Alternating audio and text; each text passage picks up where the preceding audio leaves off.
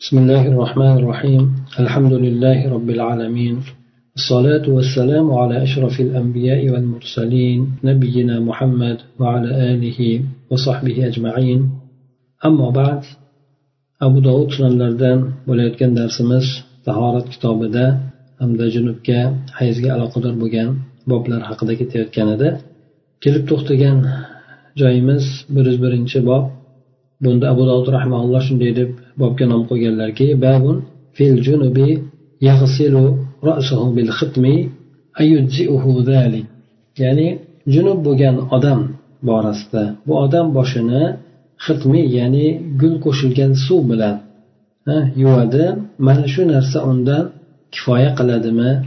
degan bob ekan. Bu hadisni alboniy rahimaulloh zaif deb keltirgan ekan. Oysha onamizdan rivoyat qilingan ekan.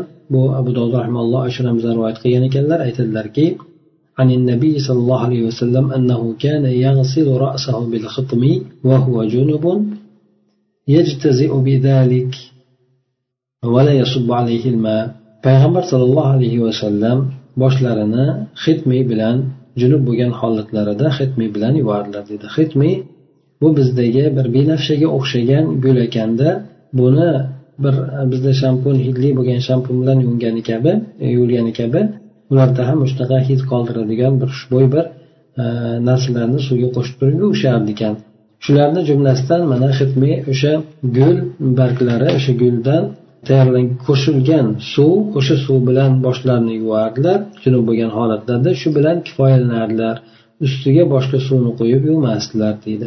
Albatta bu yerda hop e, yuqorida birinchi darslarimizda aytib o'tgan edik. Agar qo'shilgan modda suvlik xususiyatidan uni chiqarib yubormaydigan bo'lsa e, bunda suv holatida qolaveradi ya'ni o'sha ham poklovchi ham o'zi pok ham poklovchi bo'lgan vazifani bajaraveradi deb aytgan edik.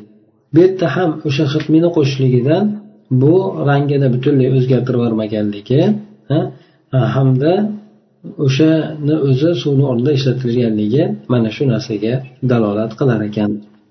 Payg'ambar sallallohu alayhi vasallam o'sha suv qo'shilgan suvni o'zi bilan g'usul qilganlarida o'sha bilan kifoyalangan ustidan boshqa suv quyib yotmaganlar deydi ya'ni o'sha xitmiy qo'shilgan suvni o'zi inson badan o'sha badanni janobatdan poklashlikda kifoya qilar ekan deb aytiladi.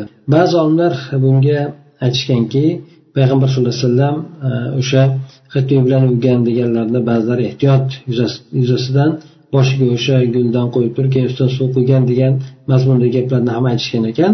Lekin umumiy suratda bu hadis dalolat qilayotgan narsa o'sha gul qo'shilgan suvni o'zi bilan yuvadigan bo'lsa hamda avvalgi hadislardan tushunganimiz agar suvni e, rangi suvlik xususiyatdan chiqib ketmagan bo'lsa bunda o'sha suv hisoblanar ekanda bu poklovchi bo'lgan vazifani bajaradi. Buni o'zi bilan inson tahorat qilishligi yoki g'usul qilishligi mumkin bo'laveradi. Bir yuz ikkinchi bob. Aytadiki babun fima yaqidu yafidu bayna rajuli val mar'ati min al ma. Bu erkak bilan ayolni o'rtasidagi bo'ladigan o'sha suvlarga suvlardan e, ustiga quyishlik to'g'risida kelgan bob ekan.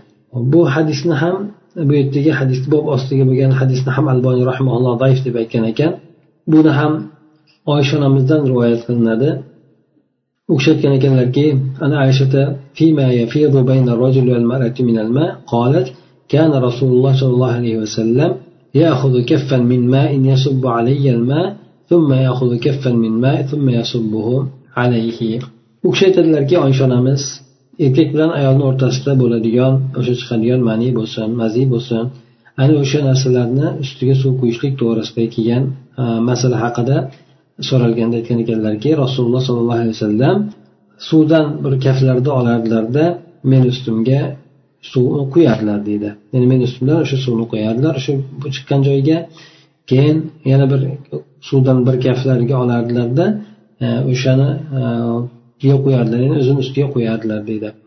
Bu yerda hadisdagi so'zni kelishligidan farq qilib masalan aytiladek deb ba'zi rivoyatlarda ham kelgan ekan alal may alayyal may emas balki alal may harfi jar majrur bo'lib kelgan o'rni ham bor ekan o'sha suvga ya'ni mani mazida ustiga qo'yadilar degan ma'no bo'ladi. Bitta aligin degan meni ustimga suvni qo'yardilar degan ma'nosi bo'ladi. Yana bir kaftlarga olib turib o'shani izidan keyin quyib qo'ygan degan ma'noni ham aytgan ekanlar. Ya'ni manini ustiga birinchi suv quyganlarda undan keyin o'sha tozalab turib uni ustidan keyin asoratni yo'qotishligi uchun yana ustidan suv quygan degan ma'no ham bu hadisdan anglanilishiga mumkin ekan. Demak bu hadis o'zi zaif bo'lsa ham e, bu yerda erkak kishi ayol kishiga ham suv quyib berishligi ham o'zi sutga suv quyishligi bu narsa mumkin ekanligi to'g'risida bu hadisda ham aytib o'tilyapti. Undan keyingi bir uchinchi bobda babun fi muakalatil haidi va mujama'atiha. Hop ya'ni hayzligi bo'lgan ayol bilan birga ovqatlanishlik hamda u bilan birga o'tirishlik yoki birga yotishlik degan ma'nosida. Bu hadisga ikki yuz ellik sakkizinchi hadis ekan. Albon rahmaulloh sahiy deb ishora qilgan ekanlar. Buni anas ibn molik roziyallohu anhudan rivoyat qilgan. Aytadilarki innal yahuda كانت إذا حاضت منهم مرأة أخرجوها من البيت ولم يآكلوها ولم يشاربوها ولم يجامعوها في البيت فسئل رسول الله صلى الله عليه وسلم عن ذلك فأنزل الله تعالى ذكره, ذكره ويسألونك عن المحيض قل هو أذى فاعتزلوا النساء في المحيض إلى آخر الآية فقال رسول الله صلى الله عليه وسلم جامعوهن في البيوت واصنعوا كل شيء غير نكاح. فقالت اليهود ما يريد هذا الرجل أن يدع شيئا من أمرنا إلا خالفنا فيه. فجاء سيد بن خضير وعباد بن بشر إلى النبي صلى الله عليه وسلم فقال يا رسول الله إن اليهود تقول كذا وكذا أفلا ننكحهن في المحيض؟ فتعمر وجه رسول الله صلى الله عليه وسلم حتى ظنن أن قد وجد عليهما فخرجا فاستقبلتهما هدية من لبن إلى رسول الله صلى الله عليه وسلم فبعث في آثارهما فسقاهما فظنن أنه لم يجد عليهما. بني إمام مسلم ham rivoyat qilgan ekan bu hadisni. Anas ibn molikdan abu dovud rahmaulloh rivoyat qilib aytadilarki yahudlar agar ularda ayollari hayz ko'radigan bo'lsa uylaridan chiqarardilar. Hm, ya'ni birga uyda turmasdilar deydi. Birga ovqatlanmasdilar ham birga biron narsa ichishmasdi ham uyda birga o'tirishmasdi ham. Shunda rasululloh sollallohu alayhi vasallam bu haqida so'ralib qoldilar. Ya'ni haqiqatdan shunday bo'ladimi? Agar hayz ko'rsa ayol kishi deganda so'ralganlarida alloh taolo e, zikri oliy bo'lgan alloh taolo mana bu oyatlarni nozil qiladi. Sizdan hayz haqida so'rashadi. Aytingki bu hayz ko'rishlik bu ozod bo'lgan narsa ayollardan hayz ko'radigan o'rnida hayz ko'radigan joyida sizlar ayollardan chetlaninglar ya'ni ular bilan jimo qilmanglar aloqa qilmanglar deb oyat demak nozil bo'ladi. Oyatlarni oxirigacha keyin alloh taolo to poklanguncha kutib turishlikni ularga mo'minlarga buyurib aytadi. Shunda rasululloh sollallohu alayhi vasallam oyat nozil bo'lgandan keyin aytdilarki ular bilan uyda birga o'tiraveringlar birga aralashaveringlar ular bilan birga nikohdan boshqa ya'ni jimo aloqadan boshqa hamma narsani qilaveringlar dedi. Yeb ichishlik birga o'tirib gaplashishlik boshqa narsalarni bemalol qilaveringlar deb aytdi. Shunda yahudlar bu narsani eshitgandan keyin aytishdiki bu odam ya'ni payg'ambar sallallohu alayhi vasallamni iroda qilib bu odam deyishdida ya'ni bizni ishimizdan bironta narsani tark qilishlikni xohlamaydi. Illo bizda o'sha narsa bizga o'sha narsada xilof chiqadi. Qaysi bir bizni ishimiz kelgan bo'lsa o'shanda bizga teskari ish tutadi bu odam deb yahudlar bir birlariga shunday deb aytib qolishdi. Shunda usayd ibn hudayr bilan abbod ibn bishir ikkalalari ham hop ansoriylardan payg'ambar sallallohu alayhi vasallamni huzurlariga keldilar. Aytishdiki ey rasululloh alayhivasallam yahudlar palondiqa pistondiqa deyishyapti. Shu hayz ko'rishlik ayollar borasida. Biz o'sha ayollar hayz ko'rgan paytida ham ular bilan qo'shilavermaylikmi deb turib ha ekanlari so'rashdi. Demak yahudlar birga o'tirishmaydi birga yeyishmaydi birga aloqa qilishmaydi ha ayollar bilan. Demak o'sha narsaga xilof bo'lar ekan xilof to'liq mukammal bo'lishligi uchun endi ular aloqa qilmaydi biz aloqa qilsak bo'lmaydimi deb turib payg'ambar sallallohu alayhi vasallamdan so'rashadi. Shunda rasululloh sollallohu alayhi vasallamni yuzlari qizardi. Hattoki biz payg'ambar sallallohu alayhi vasallamni u ikkala sahobiyga qattiq g'azab qildilar deb o'ylab qoldik. Ikkalalari shundan keyin chiqib ketdilar.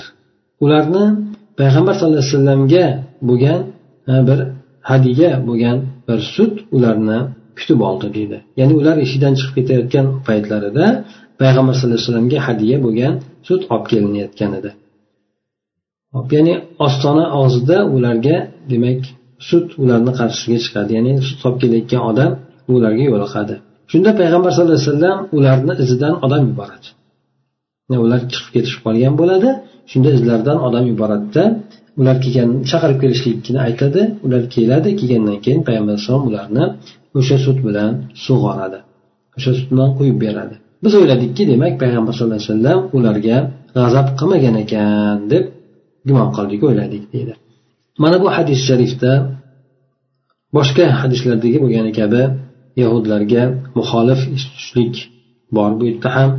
Ular ayollarga nisbatan o'zlari tomonidan chiqarilgan hukm bilan albatta tavrotdagi kelgan muso alayhissalom olib kelgan din bilan emas balki bular o'zlari tomonidan o'zgartirilgan o'zlari qo'shishgan chatishgan shunaqa o'sha kitoblaridagi bo'lgan ta'limotga ko'ra ayollar bilan birga o'tirishmasdi ham birga yotishmasdi ham birga ovqatlanishib choy ichishmasdi ham o'tirishmasdi ham deydi. Shunda payg'ambar sallallohu alayhi vasallam alloh tomonidan vahiy nozil bo'lgandan keyin bularga muxolif ish tutishlikka buyuradilar. Ya'ni sizlar o'sha harom bo'lgan narsani o'zidan chetlaninglarda ya'ni ayollar bilan qo'shilishdan chetlaninglarda adan deb keltirdi. Ya'ni bu hayzda qo'shilishlik bu ozor bo'ladi hayz ozor bo'lgan narsa deb alloh taolo qaytargandan keyin payg'ambar sallallohu alayhi vasallam ularni o'sha nikohdan jimo aloqadan boshqa hamma narsani qilaveringlar deb turib sahobalarga ruxsat beradi. Yahudlarda esa bular ayollarni butunlay surib chetga chiqarib qo'yishadigan bo'lishar edi lekin sahobalar kelib bu yerda yaxshi niyatda payg'ambar sallallohu alayhi vasallamdan o'sha ularga bo'lgan muxolifat to'liq bo'lishligini xohlab savol qiladilarda lekin payg'ambar sallallohu alayhi vasallam bu narsa qattiq qaytarilgan harom bo'lganligi uchun yuzlarida qizarishlik g'azab alomati ko'rindiyu. Lekin birozdan keyin payg'ambar alayhissalom ularni maqsadlari o'shalarga yahudlarga muxolif bo'lishligini bilganlaridan allohu alam ularni sut bilan siyladilar ya'ni ularga ko'nglida payg'ambar alayhisalom g'azab qilmaganligini izhor qilishlik uchun ularga ularni sut bilan siyladilar undan keyingi hadisimiz ikki yuz ellik to'qqizinchi hadis ekan. Bu hadisga alboniy rahimulloh sahiy deb ishora qilganlar. hop bu hadis ham oysha onamizdan rivoyat qilinadi. U kishi aytadilarki فأعطيه النبي صلى الله عليه وسلم فيضع فمه في الموضع الذي فيه وضعته وأشرب الشراب فأناوله فيضع فمه فمه في الموضع الذي كنت أشرب منه بو إمام مسلم حب رويت قيانا كلا بو حديثنا من سوك تصليك كم بيتم ده حيز بكتور حيز ده حالم ده agar suyak tozalab qoladigan bo'lsam keyin payg'ambar sallallohu alayhi vasallamga o'shani yana berardimda bu kishi og'zilarini men og'zimni qo'ygan o'ringa qo'yardilar. Bironta narsani ichayotgan bo'lsam keyin uni payg'ambar sallallohu alayhi vasallamga beradigan bo'lsam u kishi o'sha men ichgan joyda joyiga og'zini qo'yardilarda shundan ichardilar deydi. Bu hadis yuqoridagi hadisni demak quvvatlovchi yahudlar hayz ayol kishi hayz ko'rgan paytida butunlay yuzaga kirishadigan bo'lsa islom esa bu narsani aksini qilganligi ayollarga yana ham hurmat ehtirom ko'rsatganligi bu yerda mana payg'ambar sallallohu alayhi vasallam ayollarni erkalagan holatlarida ular ichgan joylariga o'sha og'izlarini qo'yib ichishligi bu birinchidan ayol kishini shunday bo'lib turgan holatda ko'nglini ko'tarishlik ikkinchidan esa islom ayollarga har qanday holatda ham ehtirom ko'rsatganligini bu ko'rinishlardan birisi hisoblanadi.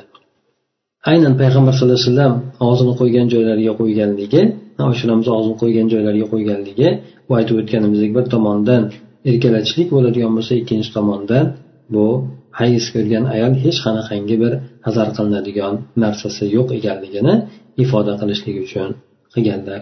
Vallohu alam. bu yerda ham birovni ichayotgan idishidan birgalikda boshqa tomondagi odam ham ichishligi yeyotgan taomidan qo'shilib birga o'sha taomni o'zidan boshqa ham yeyishligini mumkinligi e, ifoda qiladi. Undan keyingi hadisda e, ikki yuz oltmishinchi hadis ekan bunga ham alboni rahimalloh sahiy deb ishora qilganlar. Bu ham oysha onamizdan rivoyat qilingan. U kishi aytadilarki kana rasululloh sollallohu alayhi vasallam va buni buxoriy muslim ham rivoyat qilgan rasululloh sollallohu alayhi vasallam va men hayzda bo'lib turgan holatimda ham boshlarini meni qo'ynimga qo'yardilarda qur'on o'qiyardilar deydi bu ham shu yuqoridagi hadislarni hukmlarni qo'llovchi ya'ni hayzligi bo'lgan ayol kishiga islomda alohida bir hech qanaqangi bir jirkanishlik bo'lmagan balki mana payg'ambar sallallohu alayhi vasallam oysha onamizga yana ham yaqinroq bo'lgan holatlarida boshlarini qo'yinlariga qo'yib qur'on o'qiganligini ham bu yerda aytib o'tiladi. Albatta endi hayzligi bo'lgan ayol qur'on o'qishligi uzoqroq bo'lganligidan payg'ambar alayhisalom o'zlari o'qib oysha onamizga eshittirganlar. Bir yuz to'rtinchi bobda keladiki babun fil hayzi tunavilu minal masjidi. Hop hayzdagi bo'lgan ayol masjiddan bir narsani olib berishligi borasidagi bob ekan. Bu hadisda abu dovud rahmaulloh oysha onamizdan rivoyat qiladilar. aytadilarki qolali rasululloh sollallohu alayhi vasallam navilini الخمرة من المسجد قلت أنا إني حائض قال فقال رسول الله صلى الله عليه وسلم إن حيضتك ليست في يدك imom muslim rivoyati ekan rasululloh sollallohu alayhi vasallam menga aytib qoldilar menga masjiddan joy namozimni olib bering dedilar humra ya'ni joy namoz joy namoz endi namoz o'qiladiganda solinadigan bir mato Shu masjidni e, ostonasi ya'ni payg'ambar sallallohu alayhi vasallamni mana oysha onamizni uylari masjidni derazasi masjidga qaragan bo'lgan edi. Ya'ni o'sha yerdan oysha onamiz qo'li bilanla masjidni ichida turgan e, joy namozni olib berishligini payg'ambar sallallohu alayhi vasallam ichkari uydan turib buyruq qildilar. Shunda oysha onamiz aytdilarki men hayzdamanku ya'ni hayz bo'lsa masjidga odam kirmaydi odamni a'zosi ham kirmaydi degan e, ya'ni butunlay kir bo'lmaydi degan holatda tushunganligi uchun men hayzdaman deb aytganlarida rasululloh alayhi vasallam aytganlarki sizni hayzingiz qo'lingizda emasku deb. Ya'ni e, bu yerdagi sizni hayzingiz qo'lingizda emasku deganligidan murod oysha onamiz qo'llarini ichkariga qo'yib tiqib turib o'sha joydan joy olib berishligi kerak bo'lar edi. E, shundan demak qo'lingizni ichkariga tiqib turib masjid tomonga tiqib turib o'sha yerdan joy namozni olib berishligingiz hech qanaqangi muammoni keltirib chiqarmaydi degan mazmunda payg'ambar alayhissalom gapni aytganlar. Demak yuqorida e, hadislarda avvalgi darslarimizda aytib o'tganimizdek hayzdagi bo'lgan ayol e, masjidga kirib turmaydi. Hmm? E, chunki e, o'sha masjidni bo'lib ham o'sha davrlarda e, qon tegishligi oqibatida benamoz qilib qo'yishligi najos qilib qo'yishligi ehtimoli bo'lganligidan bundan qaytarganlar payg'ambar sallallohu alayhi vasallam lekin insonni bir a'zosi bir kirishligi bu insonni butun a'zosini kirishligini ifoda ham qilmas ekan. Shuning uchun bir namoz o'qiyotgan odamni oldidan ha bir oldida bir narsa borda o'sha odamni namoz o'qiyotgan odamni oldidan qo'lini cho'zib turib bir narsani narigi tomondan olishlikni mumkinligini ham bu ifoda qiladi insonni. Demak qo'li bir namoz o'qiyotgan odamni oldidan qo'lini o'zini u tarafga cho'zilishligi bu odamni oldidan namozini buzib ya'ni namozini e, buzib hamda o'sha odamni oldidan o'tgan degan hukmni ifoda qilmaydi. Ya'ni odamni bir bo'lagi bir joyga e, o'tishligi uni hamma bo'lagi o'sha yerga o'tganligini ifoda qilmas ekan. Hop undan keyin bir yuz beshinchi bobda keladiki fil la ya'ni hayzdagi bo'lgan ayol namozni qazo qilmaydi. To'g'risidagi bob ekan. bu hadisni ham oysha onamizdan rivoyat qilingan u kishi aytadilarki u kishidan bir ayol kishi kelib so'raganida فقالت أحرورية أنت لقد كنا نحيض عند رسول الله صلى الله عليه وسلم فلا نقضي ولا نؤمر بالقضاء buni imom buxoriy muslim ham rivoyat qilgan ekan oysha onamizdan so'raganligi hayzdagi bo'lgan ayol namozni qazo qiladimi Namozlar mana uch to'rt kun besh olti kun namoz o'qimaydigan bo'lsa shularni hammasini qazosini o'qishlik kerak bo'ladimi deb so'radi. Shunda oysha onamiz aytdilarki sen haruriyamisan?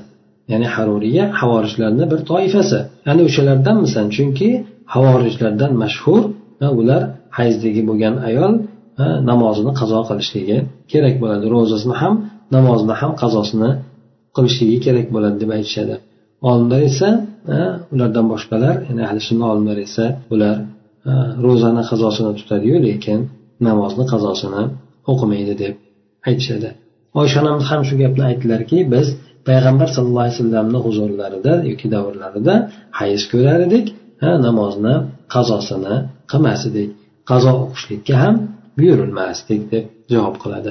Ya'ni agar mabodo bu narsa zarur bo'lganda edi farz bo'lganda edi qazosini o'qishlik payg'ambar sallallohu alayhi vasallam ham bizni o'sha narsaga buyurgan bo'lardilar. Biz payg'ambar alayhisalom davrida hayz ko'rardik lekin qazosini o'qimasdik. Shundan ma'lumki shariat ayol kishiga namozni qazosini o'qishlikka buyurmas ekan. Ikki yuz oltmish uchinchi hadisda bunda bir ziyodasi bor ekan. Abu dovud keltirgan ro'zani qazosiga buyurilardiku namozni qazosiga buyurilmasdik deb keltirib o'tadi. Demak e, ro'za e, alloh alam allohu alam demak ro'za bir yilda bir keladi bir oy bo'ladi. E, namoz esa doimiy bo'lganligidan e, ayol kishiga mashaqqat tug'diradi. Vallohu alam shuning uchun bo'lsa kerakki vallohu alam namozni qazosini o'qilmaydi. Ro'zani qazosini esa hayzdagi bo'lgan ayol hayz kunlari uchun tutib beradi. Hop shariatda ba'zan biz hikmatini bilamizmi bilmaymizmi? Albatta.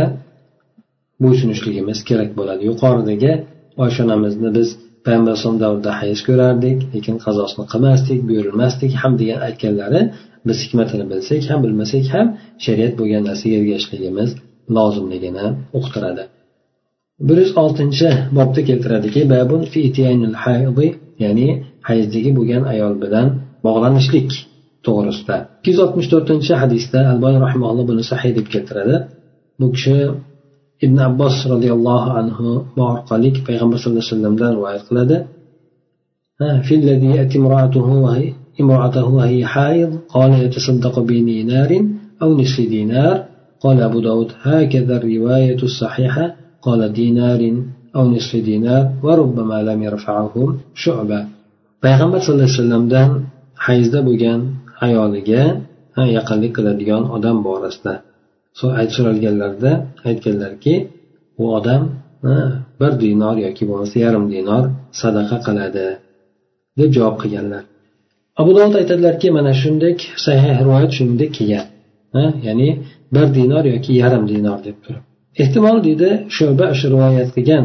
Sho'ba buni marfu qilmagandir ya'ni payg'ambar sallallohu alayhi vasallamga marfu qilmasdan mana quyida pastda kelayotgani kabi e, mavquf ham ibn abbos gaplaridan ham rivoyat qilgan bo'lishi mumkin deb keltiradi mana ikki yuz oltmish beshinchi hadisda o'shani hadisni mavquf ekanligi bu ibn abbosdan rivoyat qilinganda u kishi aytganlarki إذا أصابها في أول الدم فدينار وإذا أصابها في انقطاع الدم فنصف دينار bu ibn abbos o'zlarini fatvolari ekan ya'ni bir dinor qachon bo'ladi? Hamda yarim dinor qachon beradi deganiga bu kishi tafsilot kirgizib aytgan ekanlarki agar qonni avvalida ayol kishi bilan qo'shiladigan bo'lsa bunda bir dinor bo'ladi. Agar qon tugayotgan paytida hayzxona to'xtayotgan paytida qo'shiladigan bo'lsa bunda yarim dinor bo'ladi. Nimaga ekanligi? Demak bu holatda albatta inson o'zini tutib turolmasligi tutib turolmasligi to'g'risida ham bunga bog'liqlik o'rni bor allohu alam. Ana o'shandan hayzni avvalda bo'lgan paytida oxirgi bo'yda bo'lgan paytida ya'ni tugab qolgan payti bo'ladi. Bunda erkak kishi erkak kishini tushunishlik mumkin lekin hayzni avvalda bo'lgan holatda e, inson o'zini tutolmasligi kerak bo'lardi. Shunda buni e, nimasini e, jazosini jarimasini kattaroq bir dinor qilib aytilgan. Oxirgi paytida esa ba'zilar aytadiki to'xtagani yuvinishdan oldin qo'shiladigan bo'lsa deydi lekin umumiy suratda to'xtashligidan oldin ayol kishi bilan qo'shilib qo'yadigan bo'lsa yarim dinor sadaqa qiladi deb aytdi. Bu uni o'zi aslida hukmi ayol kishini hayz bo'lgan paytida qo'shilishlik hukmi harom qilingan bu narsa bil olimlarni o'rtasida. Lekin agar mabodo inson shunday ish sodir etib qo'yadigan bo'lsa bunda albatta inson tavba qilishlik kerak bo'ladi avvalo. Keyin esa yuqorida keltirilgan ehson sadaqani qilishligi kerak bo'ladi. Aslida aytib o'tganimizdek bu narsa harom qilingan inson agar qo'shilib qo'yadigan bo'lsa hatto gunohkor ham bo'lib qoladi. Undan keyingi ikki yuz oltmish oltinchi hadisda zaif deb keltiryapti. Buni ham ibn abbos roziyallohu anhudan rivoyat qilingan. Payg'ambar sallallohu alayhi vasallam aytdilarki agar bunda ya'ni ayol kishi erkak kishi o'zini hayzligi bo'lgan ayoli bilan qo'shilib qo'yadigan bo'lsa bunda yarim dinor sadaqa qilsin deb aniq e, bir bahoni keltirgan bir mablag'ni keltirgan holatda aytilyapti yarim dinor deb turib bu hadis aytib o'tilgandek e, zaifdir. Ya'ni yana shuningdek mursal holatda ham rivoyat qilinganligi bor. Yana boshqa unda mursal holat degani o'sha o'rtadagi sahobiy tushib qoldirilgan tobiini payg'ambar alayhissalomdan to'g'ridan to'g'ri rivoyat qilganligi tobiy esa payg'ambar alayhisalomni ko'rmagan albatta o'rtada odamlar bor. Bu odamlar sahobalar bo'ladigan bo'lsa zarari yo'q lekin tobiyinlardan ham bo'lishligi ehtimoli bo'lganligidan bu narsani zaif deyiladi. Bunday rivoyatni zaif deyiladi. Undan keyin payg'ambar alayhisalomda mana u ham zaif deb keltirilgan ekan. Abdulhamid ibn abdurahmondan payg'ambar alayhisalomdan rivoyat qilinadi. U kishi aytadilarki amruhu an yatasaddaqa bi khumsi dinarin ya'ni men hop bir dinorni beshdan birini. Beshdan ikki qismini. Bir dinorni beshdan ikki qismini sadaqa qilishligini buyuraman deb aytganlar deydi. Ya'ni salkam yarmini bir dinorni salkam yarmini sadaqa qilishlikka buyuraman degan. Lekin buni modal deyapti. Modal degani bu rivoyatni orasidan rivoyatchilarni orasidan ikkitasi qolgan bo'lsa ikkita o'rtada uzilish bo'lgan bo'lsa buni modal deydi. Bitta uzilish bo'lgan bo'lsa buni munqati deyiladi. Demak modalda ketma ket demak ikkita roviy bir birin ketidan tushib qolgan ekan. Shundan buni modal modal bu zaif turlarni zaifni eng qattiqroq turlaridan hisoblanadi. Ya'ni birdan ikkita roviyni e, tushib qolganligi sababli. Bir yuz yettinchi bobda keladi.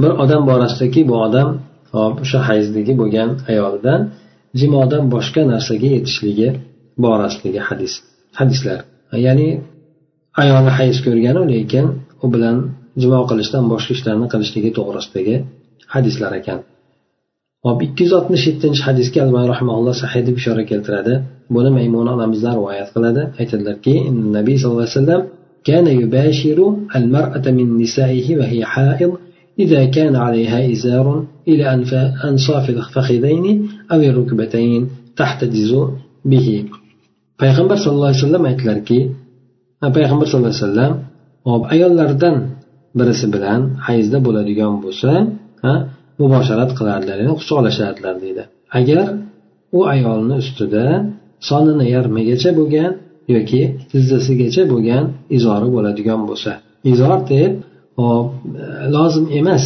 Ya'ni ustidan kiyib olinadigan o'rab olinadigan kiyimni aytiladi. Ya'ni sirvol deb sirvol deb lozim aytiladi. Izor deb ko'proq mana hojida ehrom hojilar ehrom kiygan paytda pastki tomonni izor deyiladi. Ya'ni nimasiga o'rab olinadi endi? Belidan pastiga o'rab olinadi shuni izor deyiladi. O'sha tizzasini yarmigacha bir izor o'rab olgan bo'lsa yoki boring sirvol kiyib olgan bo'lsa ham endi bundan tushunishlik mumkin bo'ladi. yoki tizzasigacha bo'ladigan bo'lsa o'sha ayol bilan quchoqlashar edi deb keltiradi o'shan bilan saqlanar edi o'shan bilan saqlanadi ya'ni undan uyog'iga o'tmaydi degan mazmunda undan keyingi hadisimizda albani rahmaulloh buni ham sahih deb ishora qilgan ekan oysha onamiz rivoyat qiladi aytadilarki كان رسول الله صلى الله عليه وسلم يأمر إحدانا إذا كانت حائضا أن تتزر ثم يذاجعها زوجها وقال مرة يباشرها buni imom buxoriy bilan muslim ham rivoyat qilgan ekan rasululloh sollallohu alayhi vasallam bizni birlarimizni agar hayzda bo'ladigan bo'lsa lozim o'sha izor kiyib olishlik lozim yoki izor kiyib olishlikka buyurardilar so'ng undan keyin hop eri u bilan bemalol mubosharat qilaverardi ya'ni quchoqlashaverardi Ba'zan bir gal aytganlarki yubashiroha deb e, e, degani birga yotadi degani yubashiroha degani u bilan birga quchoqlashadi degan ma'nosida bo'ladi. Ya'ni hayzdagi bo'lgan ayolni hop ya'ni tepagi qismiga ya'ni o'sha kindigidan tizzasigacha bo'lgan qismigacha kiyim kiyib olishligi ana undan keyin u bilan mubosharat qilishligi quchoqlashligi mumkin ekanligiga bu yerda dalil bordir.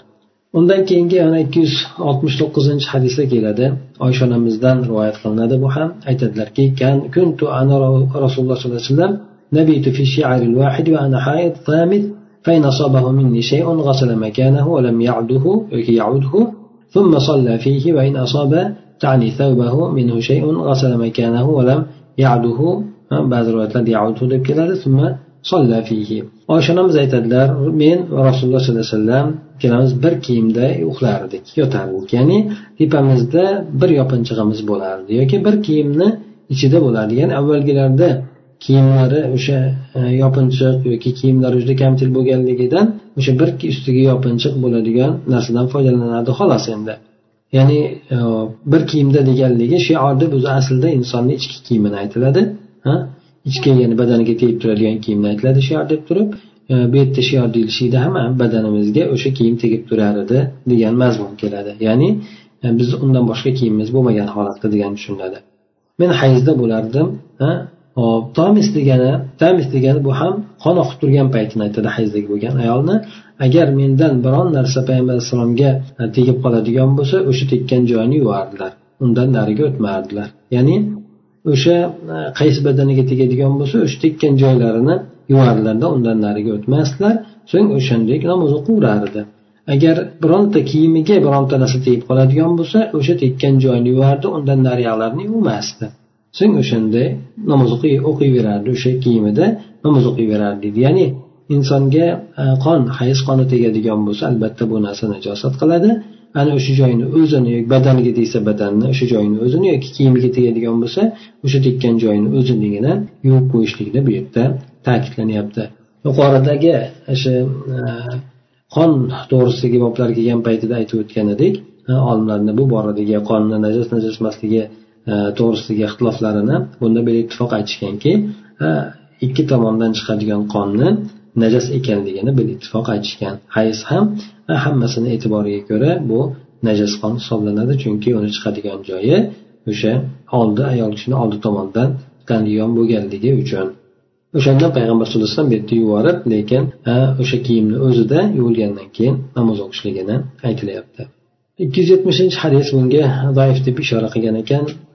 Rahmaulloh bu umorat ibn g'urobdan rivoyat qilgan qilinar ekan. aytadiki inna ammatan lahu haddathathu annaha sa'alat Aishata qalat ihdana tahid wa laysa laha wa li zawjiha illa firashun wahid qalat ukhbiruka bima sana rasulullah sallam dakhala famada ila masjidihi قال أبو داود تعني مسجد مسجد بيته فلم ينصرف حتى غلبتني عيني وأوجعه البرد فقال ادن مني فقلت إني حائض فقال وإن اكشفي عن فخذي فخذيك فكشفت فخذي فوضع خده وصدره على فخذي وحنيت عليه حتى دفئ ونام umorat ibn g'urobdan rivoyat qilinadi bu kishini bir ammasi aytib bergan ekanki oysha onamizdan so'ragan ekan hays haqida so'raganlarida oysha onamiz aytgan ekanlarki bizni birimiz hayz ko'radigan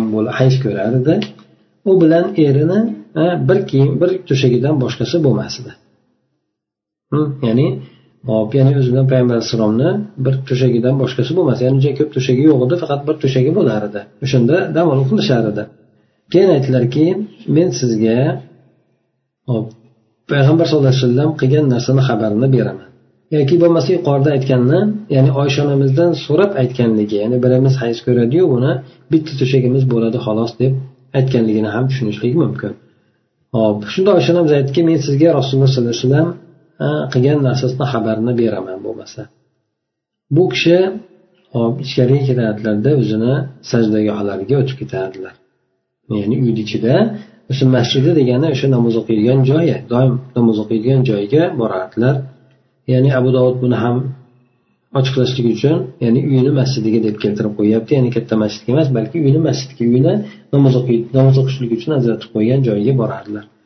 U joydan qaytmasdilar hattoki meni ko'zimga uyqu g'olib bo'lardi hamda u kishini bir sovuq qiynab qo'ygan bo'lardi shunda payg'ambar alayhissalom aytadilarki menga yaqinlashing menga bu yoqqa keling deb aytardi. Men shunda aytuvdi aytdimki men hayzdaman e, deb aytganlarida vain dedi. Garchi degani. Garchi hayzda bo'lsangiz ham kelavering degani. Hop ya'ni bu jumlani muxtasari. Agar agarchi hayzda bo'lsangiz ham va in haidan degan ma'nosida ya'ni garchi hayzda bo'ladigan bo'lsangiz ham keling dedi. Keyin soningizni oching dedi. Ikkala soningizni oching dedi. Men sonlarimni ochdim. Shunda u kishi E, chakkalarini yonoqlarini hamda va ko'kraklarini meni sonimga qo'ydilar va men u kishiga hatto isib uxlab qolgungacha engashib turdim. Ya'ni u kishini o'sha holatdan bezovta qilmasdan u kishini isib olishgunigacha shunday qilib turdim deb keltiradi. Bu hadisni yuqorida aytib o'tganimizdek doif hadis ekan. Buni albatta doif bo'lganligi uchun hukm olinmaydi e, lekin bu yerda tushuniladigan umumiy suratdagi tarbiyaviy bo'lgan darsimiz bu payg'ambar alayhissalom oysha onamiz bilan juda yaqin bo'lganligi hattoki u kishiniga o'zini juda ham yaqin tutganligi bu hadisdan anglashiladi undan keyingi hadis ham ikki yuz yetmish birinchi hadis zaif ekan bu hadisni oysha onamizdan rivoyat qilinadi u kishi aytadilarki نزلت عن المثال على الحصير فلم نقرب رسول الله صلى الله عليه وسلم ولم ند منه حتى نطهر agar biz hayzda men hayzda bo'lib qoladigan bo'lsam to'shakdan bo'yraga tushib olardim. Ya'ni to'shakdan polosga tushib olardim bunday aytganimizda. Payg'ambar sallallohu alayhi vasallamga yaqinlashmasdim. U kishiga judayam yaqin bo'lmasdim. Juda ham yaqinlashib ham ketmasdim hm? hattoki pok bo'lgunimizgacha ya'ni u kishiga umuman o'sha yoshlik bo'yida birga yotmasdim yaqinlashmasdim degan mazmunda aytib o'tildi. Lekin bu yuqoridagi kelgan hadislarga muxolif suratda ham kelyapti. Undan keyin bu zaifligi ham bor ekan. Ya'ni hayzligi bo'lgan ayol mana payg'ambar alayhisalom yuqorilarda birga oysha onamiz bilan aytganlari birga muboshirat qilganliklari shunaqa narsalarni yuqorida rivoyatlari o'tdi. Ikki yuz yetmish ikkinchi hadisda keladi bu hadisni ham payg'ambar alayhisalomni ayollaridan biridan ikrima rivoyat qiladi. Bu ikrima ibn abbosni shogirdlari hisoblanadi. Bu tobiinlardan payg'ambar alayhisalomni ayollaridan birlari aytadiki yana qaysi birlari bo'lishligi bunaqa muhim emas chunki hammalarni qaysi birlaridan rivoyat qilinadigan bo'lsa ham bu ishtiqqa ishonchli deb e'tibor qilinaveradi. Nabiy sallallohu alayhi vasallam ya'ni payg'ambar sallallohu alayhi vasallam agar hayzligi bo'lgan ayoldan biron narsani xohlaydigan bo'lsa ya'ni yaqinlashlikni xohlaydigan bo'lsa uni farjiga ya'ni avratiga bir kiyimni tashlab qo'yardi o'sha joyini to'sib qo'yardi keyin u bilan mubosharat qilib musholashaverardi degan mazmunni anglatadi. Bu ham yuqoridagi hadislar kabi e, hayzligi bo'lgan ayol bilan o'sha nikohdan yoki jimodan boshqa o'rinlarda e, mubosharat qilib foydalanishlik mumkinligini ifoda qiladi. ikki yuz yetmish uchinchi hadisda keltirilib o'tiladi. Bu oysha onamizdan rivoyat qilingan. Aytadilarki kan rasululloh sollallohu alayhi vasallam haydatina an thumma yubashiruna ayyukum yamliku rasululloh sollallohu alayhi vasallam yamliku rasululloh sollallohu alayhi vasallam biz ayni hayzlik paytimizda bo'lib turgan paytimizda biz kiyim kiyib olishligimizni izor tutib olishligimizni yoki lozim kiyib olishligimizga buyurardilar. Ya'ni mahkam bog'lab ya'ni o'sha kiyib olishlikka buyurardilar. So'ng biz bilan mubosharat qilardilar ya'ni quchoqlashardilar deydi. Sizlarni qaysi birlaringiz? Payg'ambar sallallohu alayhi vasallam o'zini shahvatiga molik bo'lgani kabi molik bo'lolmaydi deb oysha onamiz aytib qo'ygan ekanlar. Garchi buni keltirishligidan payg'ambar alayhisalom o'shandek biz u kishi har qanaqangi holatda hayzda bo'lgan holatimizda ham aloq qilishidan o'zlarini tiyib olardilar. Shunday bo'lsa ham bizni o'sha izor kiyib olishlikka payg'ambar alayhissalom buyurardilar deydi. Bu albatta e, bu ummat uchun dars bo'lishligi ummat uchun bir hukm bo'lishligi e'tiborida o'sha bizni izor kiyib olishligimizga yoki lozim kiyib olishligimizga payg'ambar alayhissalom buyurardi. Garchi u kishi o'zini bemalol shahvatini e, taqvoda o'zini tutib olgan shahvatini o'zini bosib olgan o'sha o'rinlarda bo'lgan taqdirida ham deb oysha onamiz aytib o'tadilar. Hop demak bu e, hayzdagi bo'lgan ayol bilan e, muboshirat qilishlik borasida olimlarni ixtilofi bor hop inson agar o'zidan o'ziga ishonch hosil qilmaydigan bo'lsa e, albatta bu narsaga yaqinlashlik mumkin emas balki ba'zilar harom bo'ladi degan chunki u haromga olib borib qo'yganligi uchun harom bo'ladi deb aytishadi. Ba'zilar esa o'sha ya'ni bu yerda farqi bor. Hayzdagi bo'lgan ayolni qayerdan foydalanishlikda farqi bor? O'sha eng nimasi kindigi bilan tizzasigacha bo'lgan joyda foydalanishlik bu borasida ixtilof qilishgan. Aksari undan boshqa o'rinlarda quchoqlashlik boshqa o'rinlarda esa ixtilof qilishmagan. O'sha yerdan foydalanishlikda agar inson o'zini tutolmaydigan bo'lsa mumkin emas deb aytishgan. Agar inson o'zini tutadigan bo'lsa ba'zilari karohiyat bilan bo'ladi degan lekin umumiy suratdagi hadislarni kelishligi bu narsalarni ya'ni inson o'zini tutib oladigan bo'lsa buni hech qanaqangi karohiyatsiz mumkin ekanligini ifodalaydi. Yuqoridagi hadislarimiz mana shu narsaga dalolat qiladi deb aytishadi. Shundan demak bu ayollarni undan keyingi boblarda mana hayz ko'rishligi hayz qancha muddat bo'lishligi bu to'g'rilardagi hadislar o'tadi yuqoridagi bo'lgan nimada hayz ko'rib turgan paytda islom ayollarni butunlay chetlashtirib chetga surib qo'ymaganda balki ularni o'ziga yarasha ehtiromini qilib ulardan nafslarini qondirishlikda yoki erkak kishi nafsini qondirib olishlikda foydalanishligiga ruxsat berib qo'ygan ya'ni halol qilib qo'ygan سبحانك اللهم وبحمدك نشهد أن لا إله إلا أنت نستغفرك ونتوب إليك اللهم انفعنا بما علمتنا وعلمنا ما ينفعنا وزدنا علما